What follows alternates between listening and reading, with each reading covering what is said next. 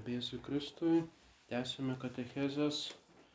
Ta tema apie Dievą sutvėrėją ir jo tvarinius angelus. Aukščiausi šio tvarinių yra dvasinės būtybės angelai. Ir kaip jau sakyta per pamokslą, būtent kai mus bombarduoja tos žinios iš pasaulio apie visokias nelaimės, negalima fiksuotis tose žiniuose, o reikia išnaudoti tą laiką, kurį dabar turim, vertingai informacijai arba tai, kuri padeda mūsų sielai, tai yra dabar imtis popierinių knygų, skaityti kažką dvasinio, dvasinės literatūros, kuriai paprastai neturime laiko arba esam per nelik išsiblaškę ir nesusikaupiam.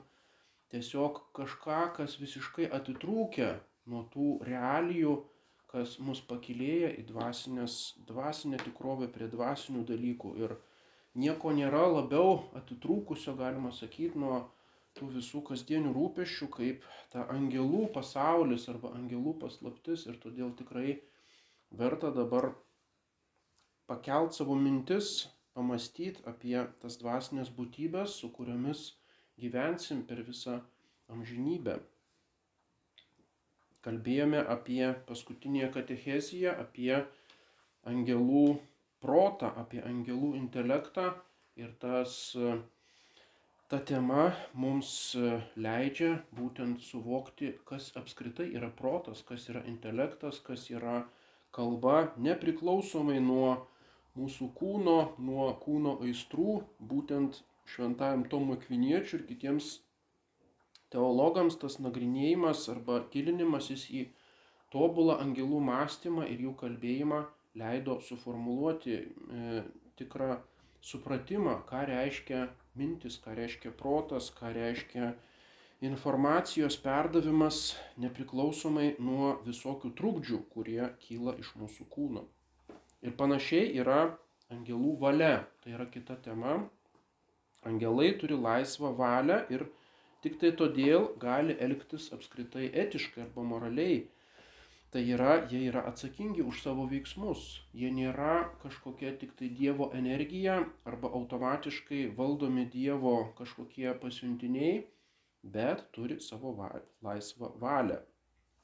Ir štai kuo skiriasi angelų valia nuo mūsų valios, šventasis Tomas Akvinietis e, savo sumoje, pirma dalis, 64 klausimas sako, e, angelo valia laikosi to dalyko, kurį jis nusprendžia nekintamai.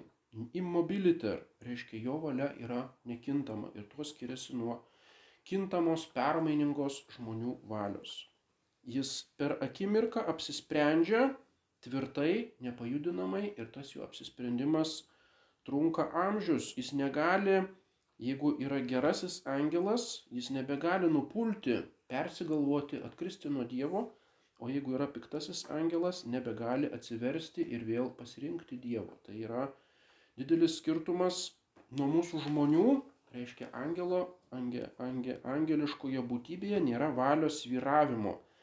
Neįmanomas taip pat demonų išganimas, kaip kai kurie mane, apokatastazis, tai yra kad galų gale angelai per daug, daugybę tūkstantmečių pragare apsigalvos ir galiausiai bus visų atsivertimas ir išganimas. To tai yra neįmanoma.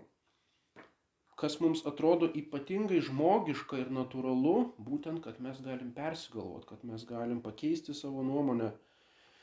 Ir štai tai nėra valios tobulumo ženklas, permainingumas, kuris mums atrodo kaip tik kaip laisvos valios ženklas, kad aš galiu laisvai pakeisti savo valią, apsigalvoti, tai yra tik tai jos silpnumo. Reiškia, mes neturim pilnų žinių, mes neturim pilno pažinimo ir taip pat mūsų valia priklauso nuo jausmų, emocijų, kitų žmonių įtakos ir taip toliau ir todėl e, esame permainingi. Ir tai atrodo mums kaip laisvumo ženklas, bet iš tikrųjų tai yra nelaisvė, iš tikrųjų tai yra silpnumas. Ir būtent tą tikrąją valios laisvę, tą tikrą, e, e, galima sakyti, labiausiai panašiai į Dievo valią, būtent turi angelai. Ir todėl verta apie tai pamastyti, svarstant apie angelus. Tačiau angelai tarp gerųjų angelų gali būti nuomonių skirtumai ir priešingi veiksmai, kaip rašo šventasis Tomas Akvinietis. Reiškia vienas angelas sargas, kaip rašoma Danieliaus knygos dešimtame skyriuje, gali paremti vieną tautą, kurie, už kurią jis yra atsakingas, o kitas angelas paremti kitą tautą ir tos dvi tautos turi priešingus interesus ir netgi kariauja arba nesutarė. Ir gerieji angelai tiesiog vykdo savo funkciją, taip pat jie turi skirtingo lygio pažinimą ir todėl gali būti skirtingos nuomonės tarp gerųjų angelų dalykuose, kurie neprieštarauja Dievo valiai. Šventasis Tomas rašo, taip kaip žmogus yra Dievo paveikslas, imago dėjai, kas tai yra tas Dievo paveikslas žmoguje, tai yra kaip sako šventasis Augustinas, atmintis, protas ir valia. Atmintis, protas ir valia kaip švenčiausios trybės atvaizdas. Atmintis tai yra Dievas tėvas, protas yra logos, amžinasis žodis ir valia yra kaip švenčiausioji trejybė. Ir štai toks Dievo atvaizdas arba švenčiausios trybės atvaizdas yra ne tik tai žmogaus sieloje, bet ir angelo e, dvasioje, Ir būtent todėl angelai turi taip pat ir laisvą valią. Ir ta valia skiriasi nuo jų intelekto, skiriasi nuo jų prigimties. E, ir būtent ji yra visiškai nepriklausoma nuo instinktų. Žmoguje valia po gimtosios nuodėmės jinai galinėjasi su agresijos ir geismo instinktais.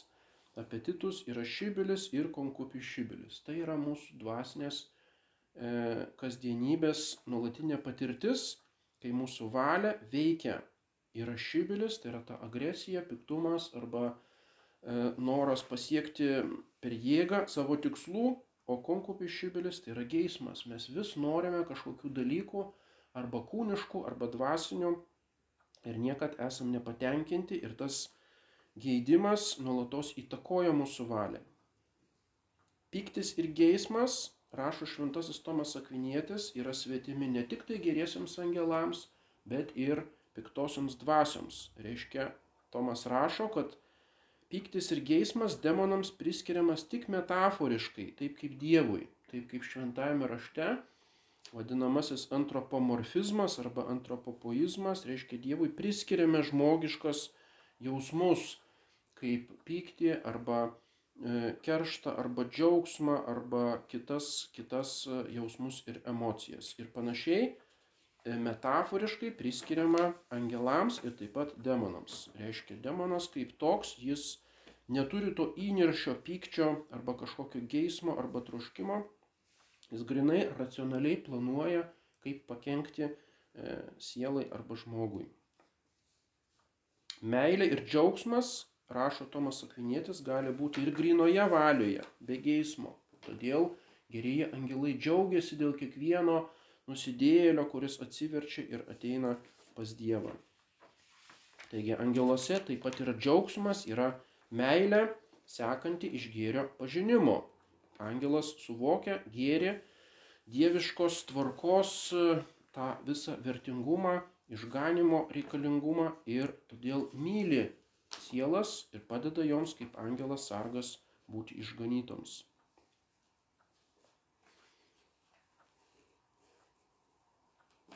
E, Klesiastiko knygoje skaitome, kiekvienas, kiekviena būtybė myli panašią į save, arba kiekvienas gyvūnas myli panašų į save. Ir šitai cituoja Šventasis Tomas Akvinėtis, sako, kad taip pat angelas myli natūralia meile kitus angelus kaip save patį ir taip pat turi paties savęs meilę. Tačiau natūralia meile angelas myli Dievą labiau negu save. Reiškia, angelas daug tobuliau negu žmogus suvokia Dievo iškilumą, savo priklausomybę nuo Dievo ir todėl natūralia meilė, netgi nepriklausomi nuo tos malonės, kurią gauna iš Dievo, jis myli Dievą labiau negu save. Vienas angelas negali pajudinti kito angelo valios arba priversti kažką kitą angelą daryti, tai gali tik tai Dievas. Reiškia, angelas gali paskatinti kitą laisvą valią, arba angelo valią, arba žmogaus, rodydamas jam tam tikrą gėrį, Tai yra per poveikį jo protui. Pirmiausia, parodo tą gėrį ir tada kita laisva valia to gėrio siekia. Taigi angelas neturi jūslinės fantazijos, neturi instinktų, geidulių, emocijų arba viso to, ką vadiname pasąmonės sferą, visą tai, kas labai stipriai įtakoja žmonių mąstymą, valios aktus. Ir jeigu apie panašias emocijas skaitome kai kuriuose vietose, e, tarkim, Mykolas Arkangelas su įniršiu ištrėmė iš dangaus demonus, tai e, tas įniršis arba tas šventas pyktis, tai būtent yra tik tai metafora. Taip pat angelai turi didžiulę galę Dievo uh, įgalioti, jie gali nepaprastas dalykus nuveikti, taip kaip skaitome antroje karalių knygoje, 19 skyriui.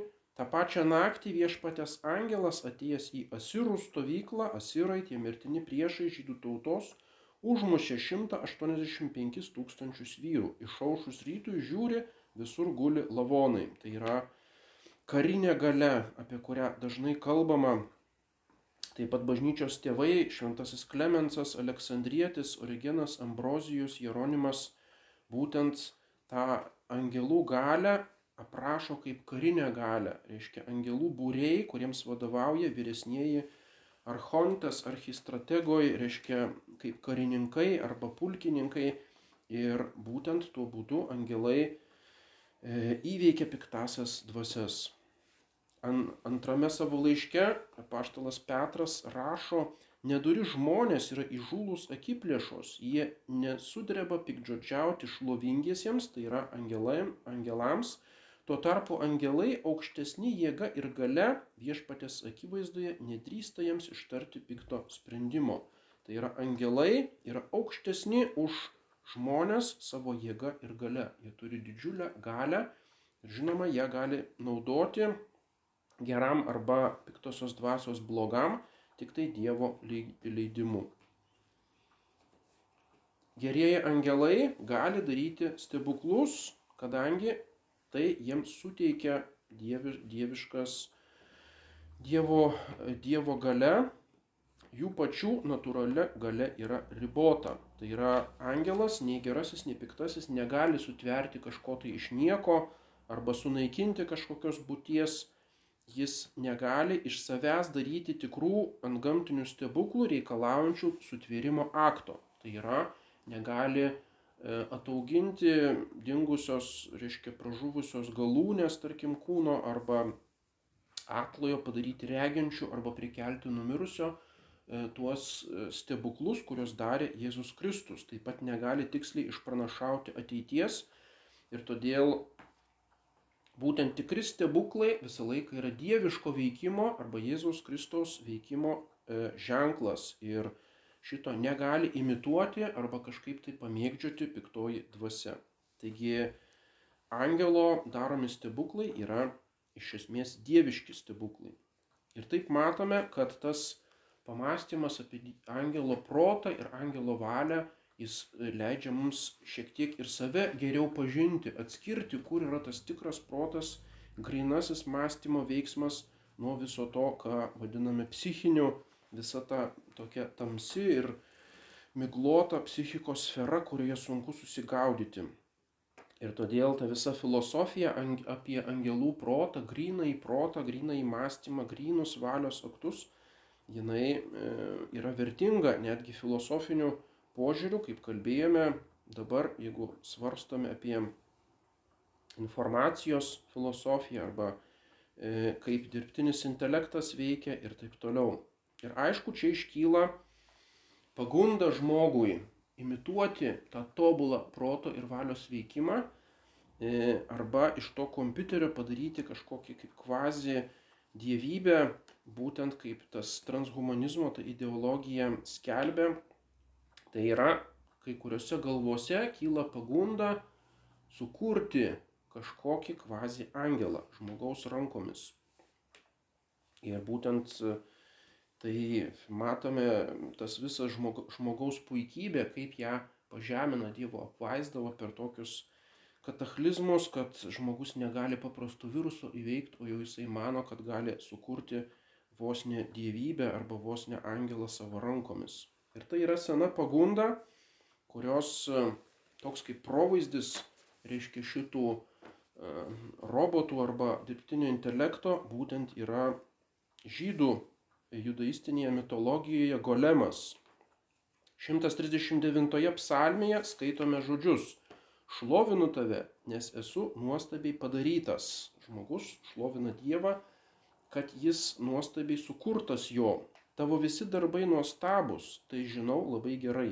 Mano išvaizda tau buvo žinoma, kai buvau slapta kūriamas, rūpestingai sudėtas žemės gelmėse, tavo akis matė mane dar negimusi. Į tavo knygą buvo įrašytos visos man skirtos dienos žmogus suvokia, koks nuostabus ir paslaptingas tas jo sukūrimo darbas buvo.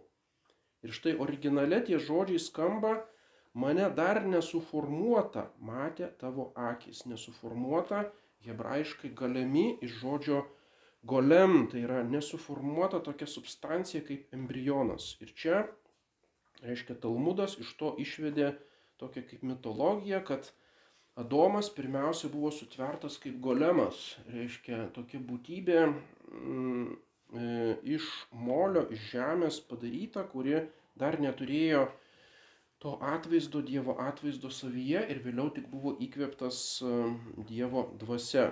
Ir aišku, tokios tarpinės būsenos niekada nebuvo.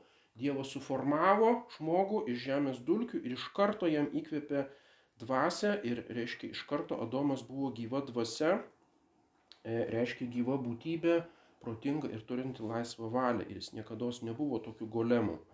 Reiškia, išplėštas iš tos psalmės, tas žodis tapo tokiu, e, tokiu kaip e, žaislu fantazijai ir būtent kai kurie rabinai ir išminčiai žydų priskaitė savo galę patiems sukurti reiškia kažkokiamis maginėmis formulėmis tokį golemą. Ir tai sudaro svarbę tokią judaizmo mitologijos dalį ir reiškia tas golemas skaitosi kaip šitų tos žmogaus puikybės, reiškia kaip toks provaizdis arba pirmtakas. Golemo kūrimas arba valdymas buvo laikomos galios ir šventumo simboliu ir viduramžiai žinoma daugybė pasakojimų apie rabinus, kurie kurdavo tokius golemus. Reiškia, praktiškai tam rabinui priskiriama vos ne e, protingos būtybės sutvėrimo gale. Ir m, taip pat 18 amžiuje Vilniaus Gaonas taip pat skaitome, kad jis dar būdamas vaikas sukūrė savo tokį golemą. Aišku, čia yra šetoniška puikybė, prilyginamas Dievui kūrėjui. Bet šitą mitologiją paskui perėjo į modernų mąstymą ir vienas iš tokių golemų 16 amžiui atseit buvo sukurtas Prahoje, Čekijoje. Ir šita mintis buvo perimta čekų rašytojo Karl Čapek, kuris 21 metais praėjusiam amžiui įvedė e, tą žodį robot, robo iš slaviško robota darbas. Reiškia, kad žmogus to jaus bus pajėgus sukurti tokį kaip vergą, dirbtinį vergą, robotą, kuris tą visą robotą, tą tokį sunkų darbą už jį atliks. Reiškia, jau nebe maginėmis priemonėmis, bet atsėti techninėmis ir kitomis. Ir štai e, ta, ta, reiškia, puikybė jau dabar reiškiasi nebe tokiais mitologiniais pavydalais, bet techniniais. Aišku, matom, kad iš to nieko gero neišeina ir tie tiek žmogiški robotai ar kompiuteriai, jie niekada, nieko, niekada net mažiausiam angelui negali prilygti, nes veikia grinai mechaniniu būdu, o angelo intelektas yra būtent vienu įpū apriepia kažkokią esmę dalyko, o ne skaičiuodamas milžiniškus kiekius informacijos. Ir taip pat tas robotas arba golemas jis yra kito valią vykdytojas, jis yra kaip vergas, o angelas turi savo laisvą valią, jisai netarnauja žmogui, ta prasme kaip e, jo įrankis, bet tik tai Dievo valia yra siunčiamas, kad prisidėtų prie žmogaus išganimo. Taip matome, kaip, kaip velnės, reiškia, iškreipia žmogaus tą supratimą ir įveda būtent tokius mitus. Kita tema yra angelai ir Dievas. Angelo santykis su Dievu. Pirmiausia, kai kur yra neaišku, ar turimas omenyje Dievas ar angelas. Ir tai yra žymioji problema šventajame rašte apie viešpatės angelą arba Dievo angelas. Ką tai reiškia tasai žodis? Malak Elohim arba Malak Jahve. Dauguma bažnyčios tėvų, šventasis Justinas, Teodoretas, taip pat Filonas Aleksandrėtis sako, kad tai yra logos, tai yra Dievo žodis arba tas Kristus, preegzistencinis Kristus, kuris buvo E, amžinybėje su Dievu tėvu ir kuris vėliau įsikūnijo į žmogų. Reiškia, tasai viešpatės angelas iš esmės yra Kristus prieš jo įsikūnymą. Kiti bažnyčios tėvai, Jeronimas, Šventasis Augustinas, vėlyvieji tėvai sako, kad ne, čia yra taip, kaip prašoma, pažodiškai yra angelas tiesiog sutverta dvasinė būtybė, kuris veikia Dievo įgaliojimu, tai yra lyg tokia Dievo ikona arba reprezentacija. Ir Tertulijonas ir taip pat modernieji egzegetai, Lagrange ir kiti sako, kad tai yra paties Dievo manifestacija arba pasirodymas angelo pavydalu. Taigi tos trys nuomonės yra gerokai skirtingos, tačiau kuri iš jų tikroji, tai yra sunku pasakyti iš paties teksto. Pats žodis angelas, kaip sakėm, reiškia pasiuntinti. Tai yra kažkas subordinuoto, tai yra pavaldus Dievui ir todėl pats Dievas jokių būdų negali būti angelas, nes niekas jo negali siūsti kažkur tai su kažkokia užduotimi. Tačiau kartais pats Dievas taip vadinamas dėl savo geradarybių, tai yra kaip analogija su angelų sargu. Tarkim, pradžios knygoje 48 skyrius Izraelis laimina savo sūnaus Juozapo sūnus ir jis sako, Palaimino Juozą patardamas Dievas, kurio keliais ėjo mano protėviai Abromas ir Izaokas, Dievas, kuris buvo mano ganytojas nuo mano gimimo iki šios dienos, angelas, kuris išgelbėjo mane iš visų pavojų, te laimina šios jaunuolius, tai yra Juozapo sūnus. Tai yra vienu atsikvėpimu, sakoma, Dievas, kuris buvo mano ganytojas, jis yra angelas, kuris išgelbėjo mane iš visų pavojų. Ir taip Senajame testamente visur yra tas neapibrieštumas. Daugelį vietų tiesiog neaišku, kur čia yra minimas Dievo angelas, e, o kur čia yra pats Dievas. Žinoma, nėra jokių kličių, kodėl Dievas negalėtų pats apsireikšti žmonėms įvairiais pavydalais, vizijoje arba regimų būdų ir visiškai aišku iš Naujojo testamento, kad dažnai jis taip ir apsireiškia. Pats Dievas be tarpininkų Mato Evangelija trečias skyrius, balsas iš dangaus prabilo, šitas yra mano mylimasis sūnus, kuriuo aš geriuosi. Tai yra aiškiai ne kažkoks angelas iš dangaus kalba, o pats Dievas tėvas, nes tai yra švenčiausios trybės apsireiškimas. Tai yra Dievo žodis iš dangaus, tai yra tėvas, paskui tas Jėzus Kristus, kuris yra krikštyjamas, tai yra Dievo sūnus Ir galiausiai tas balandis, kuris nusileidžia, tai yra šventoji dvasia. Ir tuo būdu pasireiškia švenčiausioji trejybė. Tai aišku, kad tas balsas priklauso pačiam Dievui, o ne angelui.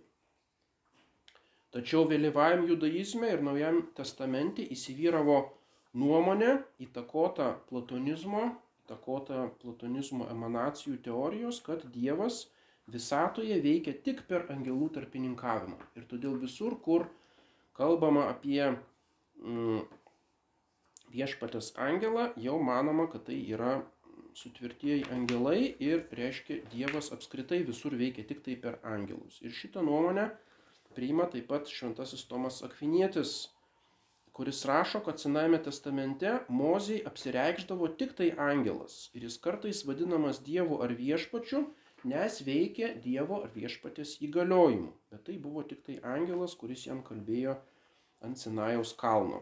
Ir čia Tomas Akvinietis remiasi būtent tuo supratimu, kuris vyravo tais laikais, Naujojo testamento laikais, kaip skaitome, apaštalų darbų septintame skyriuje Švento Stepono kalba, jis prieš savo kankinystę, jis tokia kaip pamokslas sako ir e, ką sako Šventas Steponas, tą mozę, kurio žydai išsižadėjo, sakydami, kas tave paskyrė valdovų ir teisėjų, Dievas pasiuntė kaip valdovą ir gelbėtoją globojamą angelo, kuris buvo pasirodęs jam riškiečių krūme. Jis tai tikriausiai Dievas išvedė juos, darydamas stebuklus ir ženklus Egipto žemėje prie Raudonosios jūros ir per 40 metų dykumoje. Reiškia, degančiame krūme, pasak Švento Stepano, pasireiškia Mozė ne pats Dievas tiesiogiai, o angelas, kuris jį globojo. Toliau vėliau Stepanas sako, Mozė susirinkimo dieną tyrose tarpininkavo tarp angelo kalbėjusio jam Sinajaus kalne ir mūsų protėvių. Tai jis gavo mums skirtus gyvenimo žodžius, tai yra tą Senojo testamento įsakymą. Jūs, kurie gavote įstatymą paskelbtą per angelus, bet jo nesilaikėte, sako šventas Stepanas. Reiškia, yra Dievas, paskui tas Dievas duoda Torą arba Senojo testamento įsakymą angelams, šitie angelai duoda įsa, Dievo įsakymą ant Sinajaus kalnų Mozijai, o Mozė perdoda žydų tautai. Tokia tarpininkavimo grandinė. Panašiai yra pas apaštalą Paulių laiške Galatams trečias skyrius. Tad kamgi reikalingas įstatymas? Jis buvo pridėtas dėl nusižengimų, kol ateis palikuonis, kuriam buvo skirtas pažadas, tai yra Jėzus Kristus. Įstatymas buvo angelų įsakytas per tarpininką. Tai reiškia, paštalas Paulius taip pat tiki, kad būtent e, Mozijai ant Sinajaus kalno kalbėjo angelas, o ne tiesiogiai Dievas. Ir iš to, e, tokios sampratos, e, ją iškreipė gnostikai, tie pirmieji eretikai pirmųjų amžių ir sakė, kad Senojo testamento Dievas, tas Jahve, kuris apsireiškia, reiškia, Sename testamente, nėra tikrasis Dievas, o tai yra vienas iš angelų. Tai buvo toks gnostinis iškreipimas būtent šito supratimo. Taigi Dievo angelas pasireiškia kaip Dievas daugelįje vietų. Tarkim, pradžios knygoje 32 skyrius Jokūbas pasiliko vienas ir tuomet kažkoks vyras grūmėsi su juo iki pat aušros. Tai yra viena paslaptingiausių pradžios knygos vietų. Jokūbas lieka vienas ir štaiga kažkoks vyras grūmėsi su juo. Nak, naktinė tokia patirtis, naktį, kaip turi grumti su kažkokia paslaptinga būtybė. Tas vyras, matydamas, kad negali jo įveikti, taip sudavė jam iš launies įdubą kad Jokūbo šlaunis jam besigalinėjant su tuo vyru išsinarino. Reiškia, tai buvo fizinė, fizinės grumtynės, ne kažkokia tai vizija. Tuomet jis tarė, paleisk mane, nes jau aušta. Bet Jokūbas atsakė, paleisiu tave tik kai mane palaiminsi. Reiškia, Jokūbas suprato, kad čia ne kažkoks demonas ar kažkokia e, pikta dvasia jį užpuolė, bet tai yra grumtynės su viešpatis angelu arba su pačiu Dievu. Ir tas paklausė, kuo tu vardu, Jokūbas jis atsakė, Anas tarė, toliau tavo vardas bus nebe Jokūbas, bet Izraelis. Nes ėmėsi su Dievu bei žmonėmis ir, ir nugalėjai. Izrael reiškia, tu ėmėsi, rungėsi su, su Dievu. Ir tuomet Jokūbas prašė, prašyčiau pasakyti man savo vardą. Anas atsakė, kamgi klausi mano vardo, Tai atsakęs jis tenais jį palaimino. Jokūbas tad pavadino tą vietą Penielio Dievo veidas, tardamas, juk aš mačiau Dievą veidas į veidą, tačiau mano gyvybė buvo apsaugota. Saulė tikėjo, kai jis dėl išnarintos šlaunies šlubuodamas praėjo Penuelį. Reiškia, Jokūbas grumėsi fiziškų būdų su vyru, jisai suvokia, kad tai nėra paprastas vyras, tai yra žmogus, bet tai yra fiziniu pavydalu pasirodęs angelas, bet šitą angelą jisai vadina Dievu. Ir tą vietą, kur rungėsi, sako, čia yra pen, penielis, reiškia Dievo veidas, mačiau Dievo veidą. Ne kažkokio vyro ar angelo, bet paties Dievo veidą, kuris pasirodė per šitą paslaptingą būtybę. Ten, kuris grūmėsi su angelu, Jokūbas pastatė aukurą ir pavadino tą vietą El Beteliu, nes ten jam bėgant nuo savo brolio Ezavo buvo apsireiškęs Dievas. El Betel reiškia El Dievo vardas. Panašiai yra išėjimo knygoje 14 skyrius. Dievo angelas, ėjęs izraeliečių gretų prieš akiją, dabar pakilo ir nuėjo už jų. ir debesies tulpas pakilo iš jų priekio ir užėmė vietą už jų. Atėjus ryto sargybos metui viešpats metė žvilgsnį į egiptiečių kariuomenę iš ugnies ir debesies tulpo ir sukėlė klaiką egiptiečių gretose. Tai yra vienoje eilutėje sakoma, kad tai yra Dievo angelas, reiškia Malach, Malach Elohim, O kitoje eilutėje sako, kad čia pats viešpats Jahve, kuris metė žvilgsnį iš to ugnies ir debesies tulpo ir e, įveikė egiptiečius. Reiškia, visur yra tas neiškumas, ar čia yra angelas ar dievas. Galima sakyti, jeigu tai yra angelas, tai jisai taip absoliučiai susilieja su savo funkcija, kad galima sakyti, kad dievas veikia per šitą angelą. Tai yra Dievo angelas ir panašiai kitas žodis yra viešpatės angelas irgi yra daugybė citatų. Būtent ta išėjimo knyga, trečias skyrius. Mozė ganė savo uošvio Jetro kaimenę, nuvaręs kaimenę už dykumos, jis atėjo prie Horebo, Dievo kalno. Ir štai viešpatės angelas, e, Malak Jehve, jam pasirodė degančio krūmo ugnies liepsnoje. Mozė žiūrėjo nustebęs, nes krūmas nors jis skendo liepsnoje, bet nesudegė.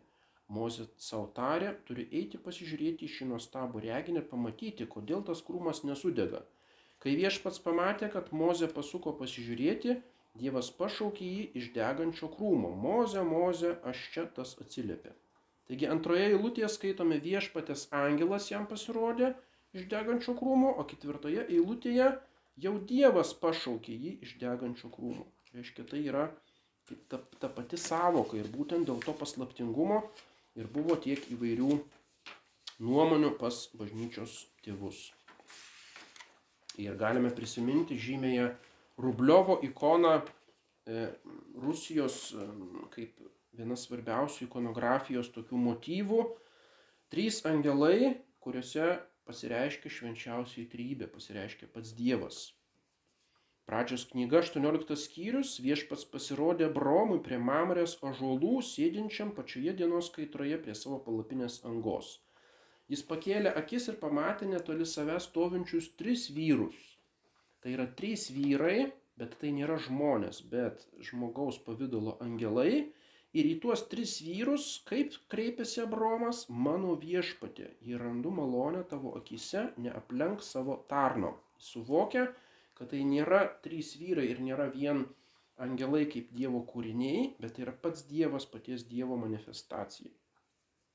Te būna atnešta truputį vandens, nusiplaukite kojas, palisėkite po medžiu, atnešiu kasnį duonos, kad galėtumėte atsigaivinti, tada galėsite toliau eiti, nes juk užsukote pas savo tarną. Ir tada vienas iš tų vyrų kuris iš tikrųjų yra kaip Dievo manifestacija, pasilieka su Abromu ir jam pranašauja, sako kokia Dievo valia, o kiti du vyrai eina toliau ir nukeliauja į Sodomą ir tenais, e, reiškia, yra Sodomos visa ta istorija ir katastrofa. Labai įdomi irgi tokia vieta yra Izaijo pranašystė 63 skyrius, Juk jisai tarė, jie manoji tauta, vaikai, kurie manęs neapvils. Taip jis tapo jų gelbėtoju. Reiškia, Dievas tapo Izraelio gelbėtoju. Visose jų nelaimėse jis buvo nelaimingas. Ne koks pasiuntinys ar koks angelas, bet jo artumas išgelbėjo juos, iš meilės ir iš pagailos juos atpirko. Jisai globojo juos ir nešė nuo amžių per visas dienas. Ir čia šitas rūpšio vertimas yra visiškai netikslus, nežinia, kuo jis remiasi, gal čia tiesiog visiškai iškraipyta, nes devinta eilutė originale visose jų nelaimėse, argi jis nebuvo ištiktas, reiškia to nelaimės, ir jo veido angelas išgelbėjo juos. To žodžio veido angelas nebėra šitame vertime, kažkodėl jis dingo. Umalak pana panaf reiškia. Veido angelas, kuris e, vėliau minimas įvairiuose kitose tekstuose, tai yra angelas, kuris reprezentuoja maloningai atgreš, atgrėžtą gelbstinti Dievo veidą arba Dievo dėmesį žmonėms, Dievo buvimą. Mm, reiškia, pats Dievas, galima sakyti, yra toksai jo veido angelas, reiškia, jo švitėjimas, jo dėmesingo veido atkreipimas yra kaip angelas, kuris ateina pas žmonės ir juos, juos išgelbsti.